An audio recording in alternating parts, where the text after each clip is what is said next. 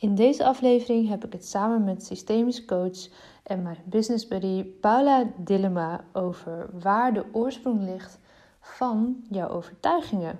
En ik wil je er vandaag ook nog even op attent maken dat wij op 28 en 29 mei weer een tweedaagse training gaan geven. Die gaat over straalangst, faalangst, de angst voor je succes, voor de angst voor zichtbaarheid, voor stappen in de grootste, mooiste versie van jezelf. Nou, alles wat daarmee te maken heeft, kan je rustig teruglezen op mijn website watchyourstory.nl. En als je erbij wil zijn in het laatste weekend van mei, dus 28, 29 mei, zorg dan dat je op tijd aanmeldt. We hebben maar een beperkt plek. We werken altijd met een klein groepje. En vooral hebben we er weer ontzettend veel zin in. Aan het eind van deze aflevering spreek ik met Marini. Zij heeft anderhalf jaar geleden meegedaan. Dus als je nieuwsgierig bent naar deze tweedaagse en eens een ervaring wil horen van een van onze oud-deelnemers, luister dan zeker ook het laatste stuk van deze aflevering. Veel plezier met luisteren. Watch Your Story is ontstaan omdat ik geloof dat er achter ieder gezicht een inspiratiebron schuilt. In deze podcast interview ik Jan en Alleman, de girl next door, bekend en onbekend over hun persoonlijke en businessverhalen. Veel plezier met luisteren. Goedemorgen. Goedemorgen. Het is wel uh, een nieuwe traditie dat wij onze afleveringen echt zo ongeveer uh, voor dag en dauw aan het opnemen zijn. ja, waarom eigenlijk hè? Nou ja, gewoon omdat het past. Ja, precies, omdat het Met past. alle planningen. Ja, ja. ja jij zei het net heel mooi. De pubers slapen nog en... Uh... ja, die hebben nu natuurlijk vakantie. Ehm, dus die slapen nog lekker. Dus dan ga ik nog maar even beneden zitten. ja, gelijk. Dus, hey, ehm, waar gaan we het over hebben vandaag? Ja, we hebben eventjes heen en weer geappt. Wat zullen we bespreken? En we kwamen uit op het stukje waar ligt de oorsprong van je overtuigingen? Ja. En dat is natuurlijk best wel een brede vraag. Maar uh, ja, laten we eens ja, kijken of we, daar wat, helemaal, uh, of we daar wat zinnigs over kunnen zeggen vandaag. Ja, precies, ja. Nou, wat ik heel veel zie uh, bij mijn klanten, en dat zal bij jou niet anders zijn, um, is dat ja, er ligt ergens een oorsprong waarom je doet wat je doet. Ja. Je bent ergens dit gedrag gaan doen. Uh, om, omdat er iets gebeurd is. En soms weet je dat heel helder en heel vaak weet je dat ook niet. Uh, die oorsprong ligt heel vaak uh, voor je achtste levensjaar. Ja. Ehm, kan zelfs al in de buik. In de buik. nou ja, misschien wel daarvoor, geen idee. Ehm, en ja, daar ligt vaak een, een kern oorzaak waarom je doet wat je doet. Ja. En uh, dat is soms, uh, um, hè, willen we dat met ons ratio invullen. En dat is soms best wel lastig, want het zit vaak heel diep en gevoelsmatig. Ja. Um, en dat is ook vaak hè, waar ik dan naartoe ga op een gegeven moment met iemand. Van ja, waar, waar ligt die overtuiging dan? Precies. Ja, want je wil het graag met je hoofd kunnen bedenken. En ja. uh, ik weet het niet, is daar een heel mooi voorbeeld van. Ja, dat, als je het met je hoofd wil bedenken, dan, dan inderdaad weet je het soms ook gewoon niet. Want het is niet te bedenken. Alleen al het woord weet duidt eigenlijk aan hè, dat je in je hoofd zit om erbij te komen. En zo, ja, soms kom je er niet bij op die manier. Zeker niet als wat jij zegt, als het al van zo jong in die oorsprong zit. Ja, dat, dat kan je niet met je hoofd bedenken vaak. Nee, en, en uh, heel vaak levert dat gedrag je uh, onbewust ook nog iets op. Hè? Ik bedoel, Ja. het, is, het, het gaat ook over um, iets wat je waarschijnlijk aan het vullen bent omdat je het gemist hebt. Of nou ja, hè, wat voor oorzaak er dan ook uh, aan ten grondslag ligt. maar je doet het niet voor niks. Hè? Dat is. nou ja, ik had laatst nog een mooi gesprek met iemand die um, had een moeder die zwaar depressief was. Uh, nou ja, en dan, dan word je vaak heel goed in het scannen van. Ja. Dat leverde er ook heel veel op, want daar had ze nu gewoon de werk van gemaakt en Ja, alles. Hè? Dat ze gewoon de overview heeft en, en de havik is in het bedrijf, zeg maar, die alles ziet. En, maar ze werd er ook heel moe van, want dat doet ze dus al jaren, zeg maar. Ja, Ja, en waarom moet ik toch altijd die controle? Waarom moet ik toch altijd ja, dat, dat zijn dingen die liggen heel vaak dus al in een eerdere kern. Nou ja, dit was dan hè, uh, bij een moeder die, die uh, emotioneel niet, uh, niet aanwezig was. En het leverde haar dus op dat het dan toch een bepaalde veiligheid gaf in de onveiligheid. Mm, want, ja, want dat is wat ze kent. En waar ze goed in is geworden.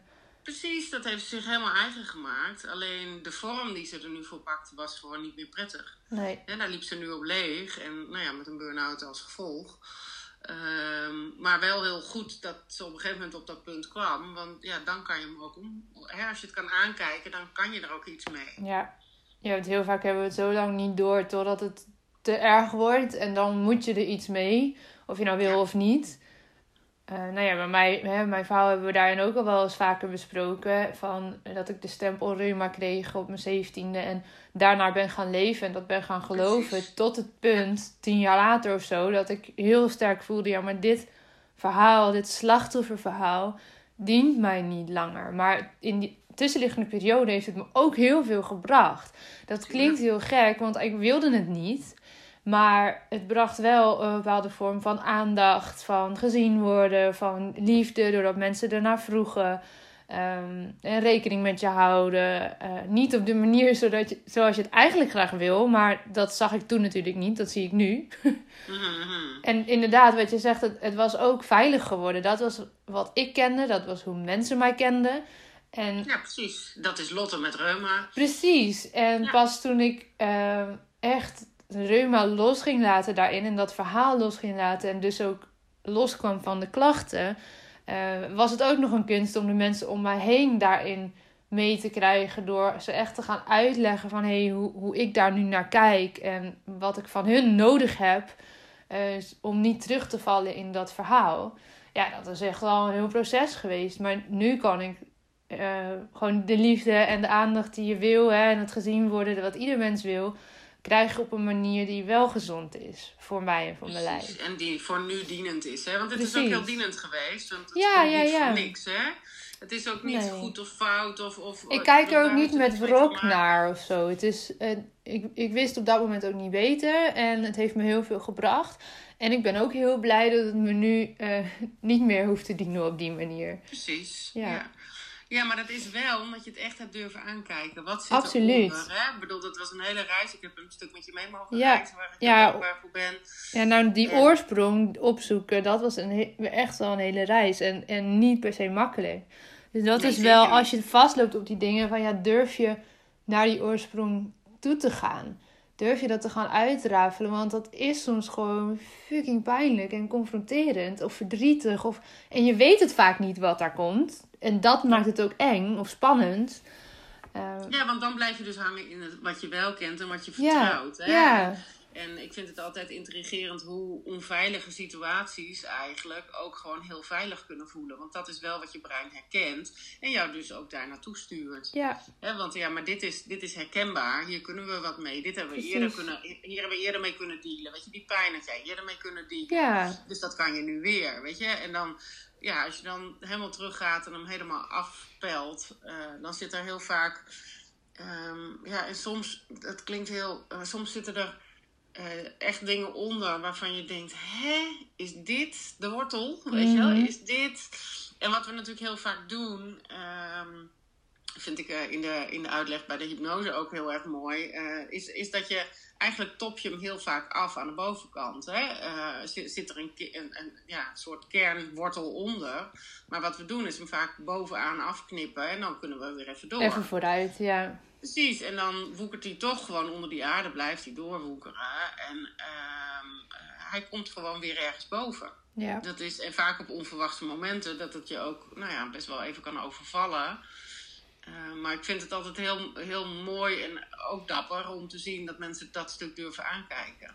Ja, ja dat zeg je wel heel mooi. Want ik denk dat dat echt heel vaak gebeurt in allerlei vormen van uh, coaching en hulpverlening. Dat dat het bovenste stukje aangepakt wordt en dat je de tools hebt om weer even door te kunnen. En dan lijkt het opgelost. En dan ineens een paar maanden of een paar jaar later uh, gebeurt er iets waardoor je toch weer, weer volledig uit die balans getrokken wordt. Omdat je dus nog niet helemaal naar die kern bent gegaan. Nee, precies. Je hebt hem nog niet met wortel en al eruit getrokken. Omdat je nog niet de diepere laag hebt aangekeken. Ja.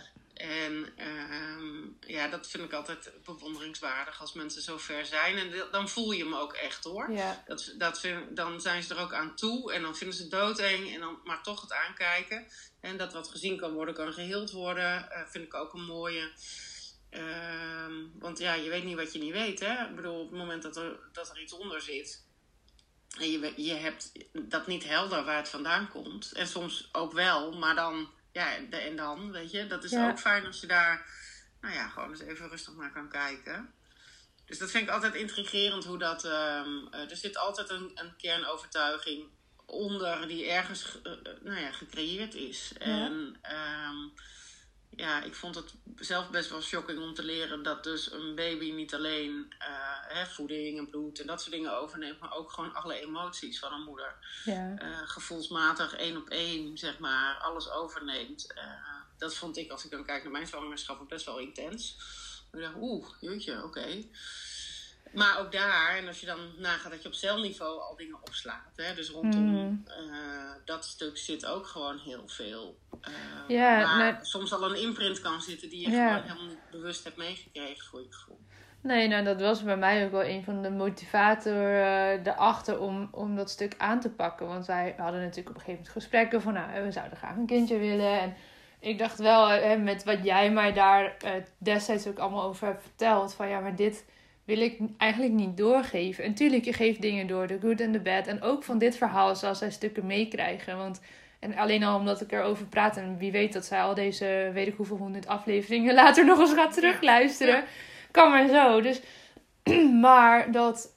Ehm, ik wilde wel dat het, het stopte. Is dat je het aankijkt. Ja, dat. En dat bepaalde dingen konden stoppen bij mij. En bepaalde dingen juist doorgegeven kunnen worden. Uh, ja, dat is heel fijn. En wat jij ook zei van in de zwangerschap. Um, dat een kind dus al alle emoties één op één voelt van een moeder. Dat had ik van jou gehoord voordat ik zwanger was. En dat heeft mij echt wel op bepaalde punten doen realiseren van... Oké, welke keuze maak ik nu?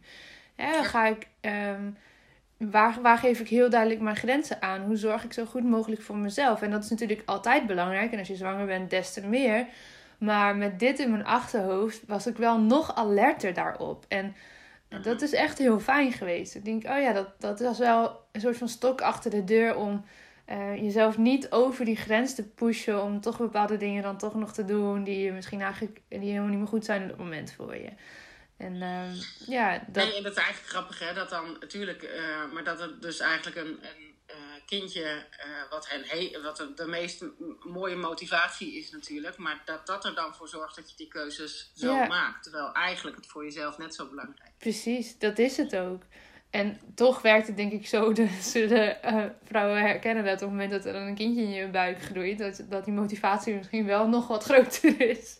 Zeker, en, uh, ik had het graag geweten. Ja, dat kan me voorstellen. Geweten, want dan had ik dingen absoluut anders gedaan tijdens mijn zwangerschappen. Ja. Uh, weet je, en dat heb ik niet, maar daarna aankijken heeft gewoon ook een hele hoop ja. gedaan, zeg maar. En zien waar het vandaan kwam hielp ook heel erg. En daar erkenning aan geven. Het gaat ook vaak over nou ja, en, en uh, soms is het puur um, het, het, zien, het erkennen, het, um, dat het er mag zijn.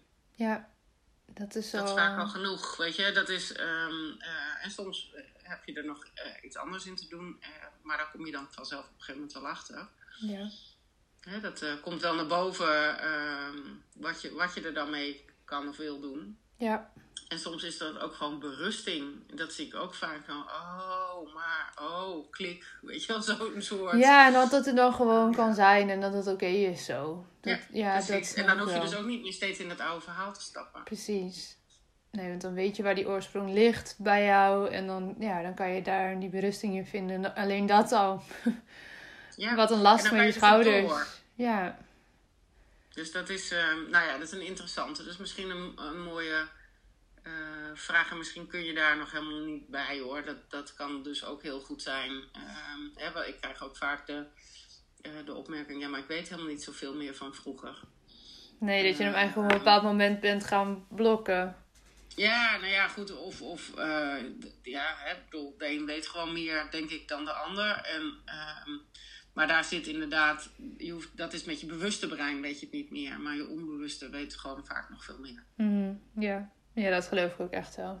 Ja, wat je zei, ja, die eerste acht jaren, dat daar al zoveel wordt opgeslagen. Er zijn natuurlijk heel veel, zeker die eerste paar jaren, dingen die je niet bewust weet. als baby, als 1, 2-jarige, ja, wat weet je daar nou nog bewust van qua herinneringen? Niemand weet daar eigenlijk heel veel bewust van, maar onbewust natuurlijk wel. Of je liefde hebt gevoeld, of je er mocht zijn, of er aandacht voor je was, of er goed voor je gezorgd werd. Zit je hele hechting, hè? En ja. alles, al die patronen zitten allemaal daarin. Precies. Je hele imprint. En, uh, en ook zeker na je, na je achtste hè, of, de, uh, of na je zevende is dat sowieso ook uh, gaat dat natuurlijk gewoon door. Alleen daar wordt wel een basis gelegd. Ja. Dus dat is, uh, nou ja, misschien gewoon goed om eens te laten sudderen. Misschien kun je erbij, misschien kun je er niet bij. Maar het is heel interessant om te kijken naar de patronen die je nu doet. Uh, waar die dan ontstaan zijn in die vroege kindjaren. Zeker. Nou, weer stof tot nadenken voor het weekend. Yes. Mooie. Dankjewel voor yes, vandaag. En uh, tot de volgende. En vandaag de gast in deze podcast is Marini. Zij heeft ongeveer anderhalf jaar geleden de tweedaagse gevolgd bij ons. En vertelt vandaag aan jullie wat dit voor haar allemaal teweeggebracht heeft. Hoe ze het heeft ervaren en wat er sindsdien in haar leven is veranderd. Hier is Marini. Marini, welkom in de podcast. Zo fijn dat je er even wil zijn. Ja, leuk dat ik er ben. Ja, ik vind het leuk om hier te zijn. Dankjewel. Ja, we hebben natuurlijk uh, de afgelopen, nou ja, anderhalf jaar hadden we het er net over. Dat het geleden is dat jij uh, de tweedaagse hebt gevolgd. In de tussentijd hebben we best wel eens even contact gehad en elkaar even gezien en gesproken ook wel. Uh, ja. Het is super leuk dat je vandaag een beetje wil vertellen over jouw ervaringen. Um, ja, heel graag. Kort even voorstellen. Wie ben jij en misschien even kort wat je doet? Um, even kijken, heel kort. ik ben uh, Marini, ik kom uit, uh, uit Assen. Um, ik uh, ben sinds kort weer gestart als ZZP'er, als tekstschrijver. En ja, om, niet gelijk om te springen naar tweedaagse, maar dat heeft ergens wel de oorsprong gehad bij die tweedaagse. Mm. En ik heb een gezin, een zoon van elf. En ik woon met mijn gezin in Assen. Ja, nou, dat heb je heel mooi kort samengevat. Ja, hey, naar die oorsprong van het tekstschrijven, kan je eens ons meenemen in ehm, eigenlijk de struggles of misschien wel problemen, maar hoe je het wil benoemen, um, van voordat je die twee dagen hebt gevolgd bij ons. Waar liep jij toen tegenaan? Um, ja, ik denk dat ik het vooral best lastig vond om gewoon mijn eigen stem te horen. Uh, laat staan dit ook te uiten en ernaar te leven. Dus uh, ik was altijd heel goed, nog steeds wel, in het, uh, ja, dat ik echt in een split second kan aanvoelen van wat er in een bepaalde situatie nodig is, of wat bepaalde mensen dan nodig hebben of fijn vonden. Um, en daar handelde ik dan uh, ook gelijk naar. Dus, um, ook als ik zelf bijvoorbeeld eigenlijk iets anders wilde. Ja. Um, dus ik hechtte best wel veel waarde aan wie ik moest zijn om bijvoorbeeld geliefd te zijn of geaccepteerd te zijn. Ja. ja. En uh, ja, op een gegeven moment, dat is dus best wel lastig, want dan voelt het toch alsof je leeft met de handrem erop. Mm-hmm. en, uh, en dat komt dan in allerlei aspecten van je leven vroeg of later uit, omdat je dan die, die conflict met jezelf al voelt. Ja. ja. Kun je eens een voorbeeld noemen van zo'n soort conflict? Um, nou ja, conflicten uit de weg gaan. Um, ergens diep van binnen weten wat je voelt, uh, maar het wegstoppen. Um, bepaalde delen van jezelf een beetje verstoppen, omdat je denkt van, oh, als ze dat van me zien, dan uh, rennen ze gillend weg. Of dan vinden ze me te veel, of dat kennen ze helemaal niet van me. Vooral dat laatste stukje ook. Mm. En um, ja, die onzekerheid met hoe mensen daar dan op zullen reageren, dat voelt best lastig. Ja. ja. ja. Hey, en ik kan me zo voorstellen dat je daar misschien ook ruimer voor die tweedaagse wel eens tegenaan bent gelopen. Zijn er andere dingen geweest die jij voor die training ook al had geprobeerd om daar wat meer nou ja, los van te komen? Ja, nou ja, ik, ik schrijf sowieso wel gewoon heel graag ook voor mezelf, ook als in journaling. En gewoon om een beetje de brei in mijn hoofd, om daar wat uh, helderheid in te krijgen, zeg maar. En uh, daarnaast ja, mediteren. Ik heb heel lang therapie gevolgd, best wel intensief. Uh, om ook echt een beetje soort van bij de oorsprong te komen. En dat heeft me ook echt wel heel veel inzichten en wijsheid gegeven ook wel. Um, maar ja, echt inzichten krijgen en dan bijvoorbeeld in het dieper worden gegooid, zoals je dat met de tweedaagse bijvoorbeeld uh, dan uh, hebt. Ja, dat, dat zijn wel twee verschillende dingen. Dat heb ik wel echt wel gemerkt met de tweedaagse ook, ja. Want kan je misschien vertellen, hoe was uh, dat dan anders ten opzichte van de dingen die je daarvoor had geprobeerd? geprobeerd um, die je hebt gedaan, want dat heb je niet alleen maar geprobeerd, je hebt dat daadwerkelijk gedaan. Ja, ja, precies. Ja, ik was er echt bij. Ja, nee, ik, ik denk dat het gewoon al eigenlijk vooraf al begint. Dus zeg maar het moment dat je je ervoor aanmeldt en gewoon die keuze maakt van ik ga hierbij zijn. Uh, dat vraagt eigenlijk al om vertrouwen en overgave, omdat je hebt eigenlijk geen idee wat je precies gaat doen. Je hebt gewoon geen idee. En je weet niet wat er voor mensen erbij zijn en hoe de sfeersels zijn en of je je op je gemak zult voelen. Dus dat zijn, dat zijn voor mij, waren dat echt wel dingen eigenlijk waar ik normaal gesproken daar niet zomaar in zou stappen zonder vooraf al veel te weten. Maar um, ja, ik ken, nou ja, ik ken jou natuurlijk al. We hebben ook wel wat VIP-dagen samen gehad. Ik ken Paula vanuit uh, systemische uh, coaching gesprekken die ik met haar heb gevoerd. En um, ik had er gewoon een goed gevoel bij. En ik dacht van, ik, ik ga het gewoon doen. En dat gaf dus al, alleen dat gaf al veel vertrouwen. Om dat te kunnen doen, ja. Ja, dat horen we vaker hoor. Dat eigenlijk de keuze om je aan te melden en dus ook om twee dagen voor jezelf helemaal vrij te maken. Om ja. een nachtje in Groningen te blijven slapen als mensen van verder komen. En ja. Nou, thuis de boel, de boel te laten. En ja. ben er even niet. Alleen ja. dat doet vaak zoveel. Zeker, ja. En, en ik kom gewoon natuurlijk uit Assen. Dus dat is maar een kwartiertje met de trein. Maar ik had toch zoiets van, ga ik gewoon een nachtje, nachtje boeken daar. En dan kan ik gewoon lekker in mijn eigen bubbel en in de straalangstbubbel blijven, zeg maar. Zonder gelijk thuis weer die uh, alle dingetjes te hebben. Of met een wasbeest te moeten, weet je zo. Die was dus, maandag ook alweer. ja, precies. Dus dat, dat was gewoon al een hele stap eigenlijk. En, en dat dat gaf ook gelijk als soort van uh, kracht of zo. Van, oh, ik doe dit gewoon voor mezelf. Ja, tuurlijk. Gewoon doen. Ja. ja. Kan je ons eens meenemen naar een moment na die tweedaagse waarin jij hebt gevoeld, hé, hey, er is nu echt iets veranderd? Um, ja, eigenlijk moet ik dan ook wel het linken aan een moment in de tweedaagse, denk ik. En dat, dat was dat ik uh, op dag twee, even kijken hoor, ik ga niet verklappen natuurlijk wat we hebben gedaan. Maar het kwam er eigenlijk om neer dat ik op een gegeven moment gewoon een stoute schoenen heb aangetrokken. En jullie toen heb gevraagd van, goh, uh, ik heb vanochtend iets geschreven. Er, er, zit iets op mijn hart en mag ik dit delen? En, uh, en zelfs nog een liedje erbij. Nou, dat was helemaal voor mezelf al zo'n ding van, oh, dan neem ik wel heel veel tijd in mijn slag. Dat ik dat ook eerst wel dacht. Maar echt met uh, knikkende knieën durfde ik het toch te vragen. En nam ik dus gewoon letterlijk op dat moment al tijdens die training de ruimte gewoon. Eigenlijk dus om te stralen, gewoon toch zo. Ja, ik herinner uh, dat nog heel goed. Dat was, ja, ja het, was, het was heel moeilijk om dat zeg maar zonder al te veel emoties te delen. Omdat ik natuurlijk uh, privé best wel een lastige fase zat. Maar het voelde gewoon goed om te delen. En uh, dat jullie mij ook die ruimte en dat cadeau gaven. En het vertrouwen van dat ik dat mocht doen dat was, ja, dat was voor mij echt wel heel waardevol eigenlijk. En, um, en dat, heeft, dat is wel eens een soort van, hoe zeg je dat, katalysator geweest voor heel veel andere veranderingen in mijn leven. Um, waar, ja, en dat had dan vooral te maken met dat ik dus meer durfde aan te geven bij uh, uh, mensen dichtbij me van als ik ergens mee zat, als ik niet gelukkig was, dus ook in mijn relatie, um, zijn we ook echt wel even dat we samen de ruimte van elkaar letterlijk en figuurlijk hebben genomen om uh, te ontdekken wat we wilden in het leven en hoe we dan samen verder gingen. En, ja. ja, onder andere dus daarin. Maar ook ja, mijn vriendinnen zeiden ook van je bent meer open. Je durft wat meer uh, te vertellen, wat meer te laten zien van jezelf. Dus uh, dat krijg ik wel vaak terug nu. Dus dat is wel mooi. Ja. Heel mooi.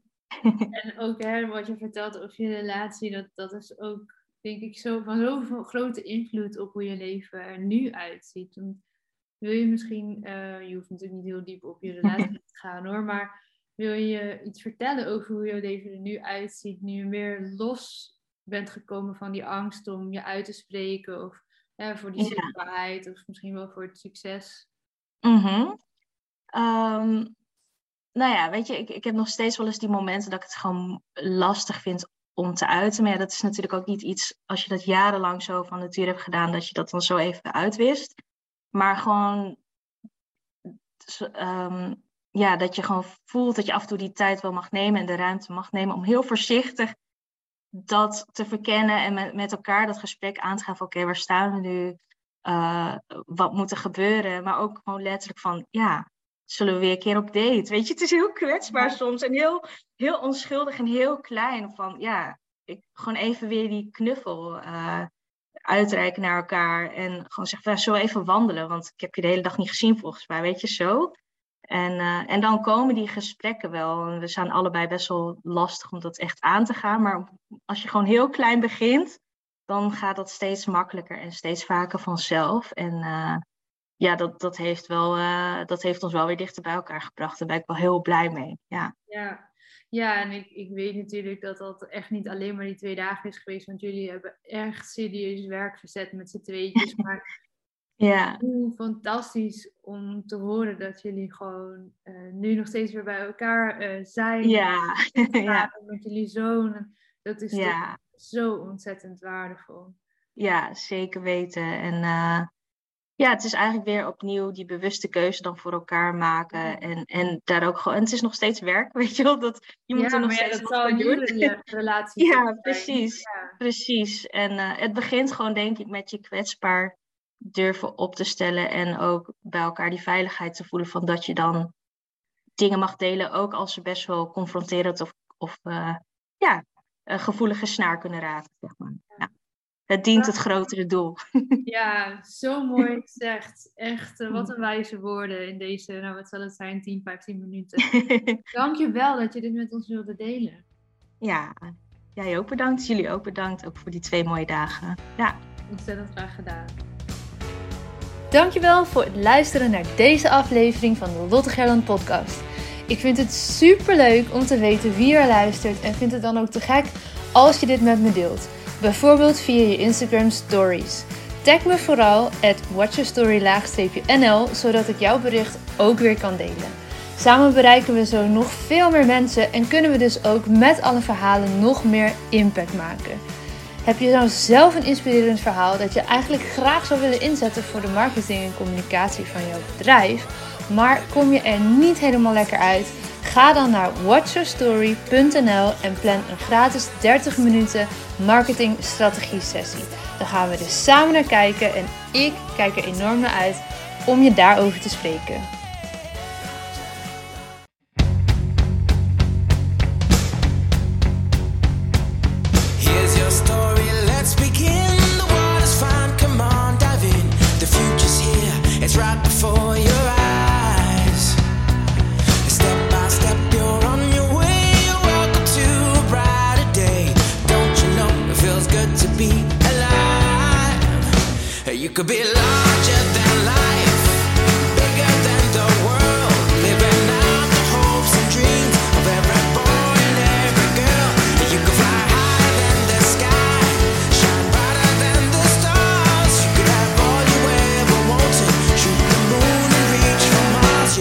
Could.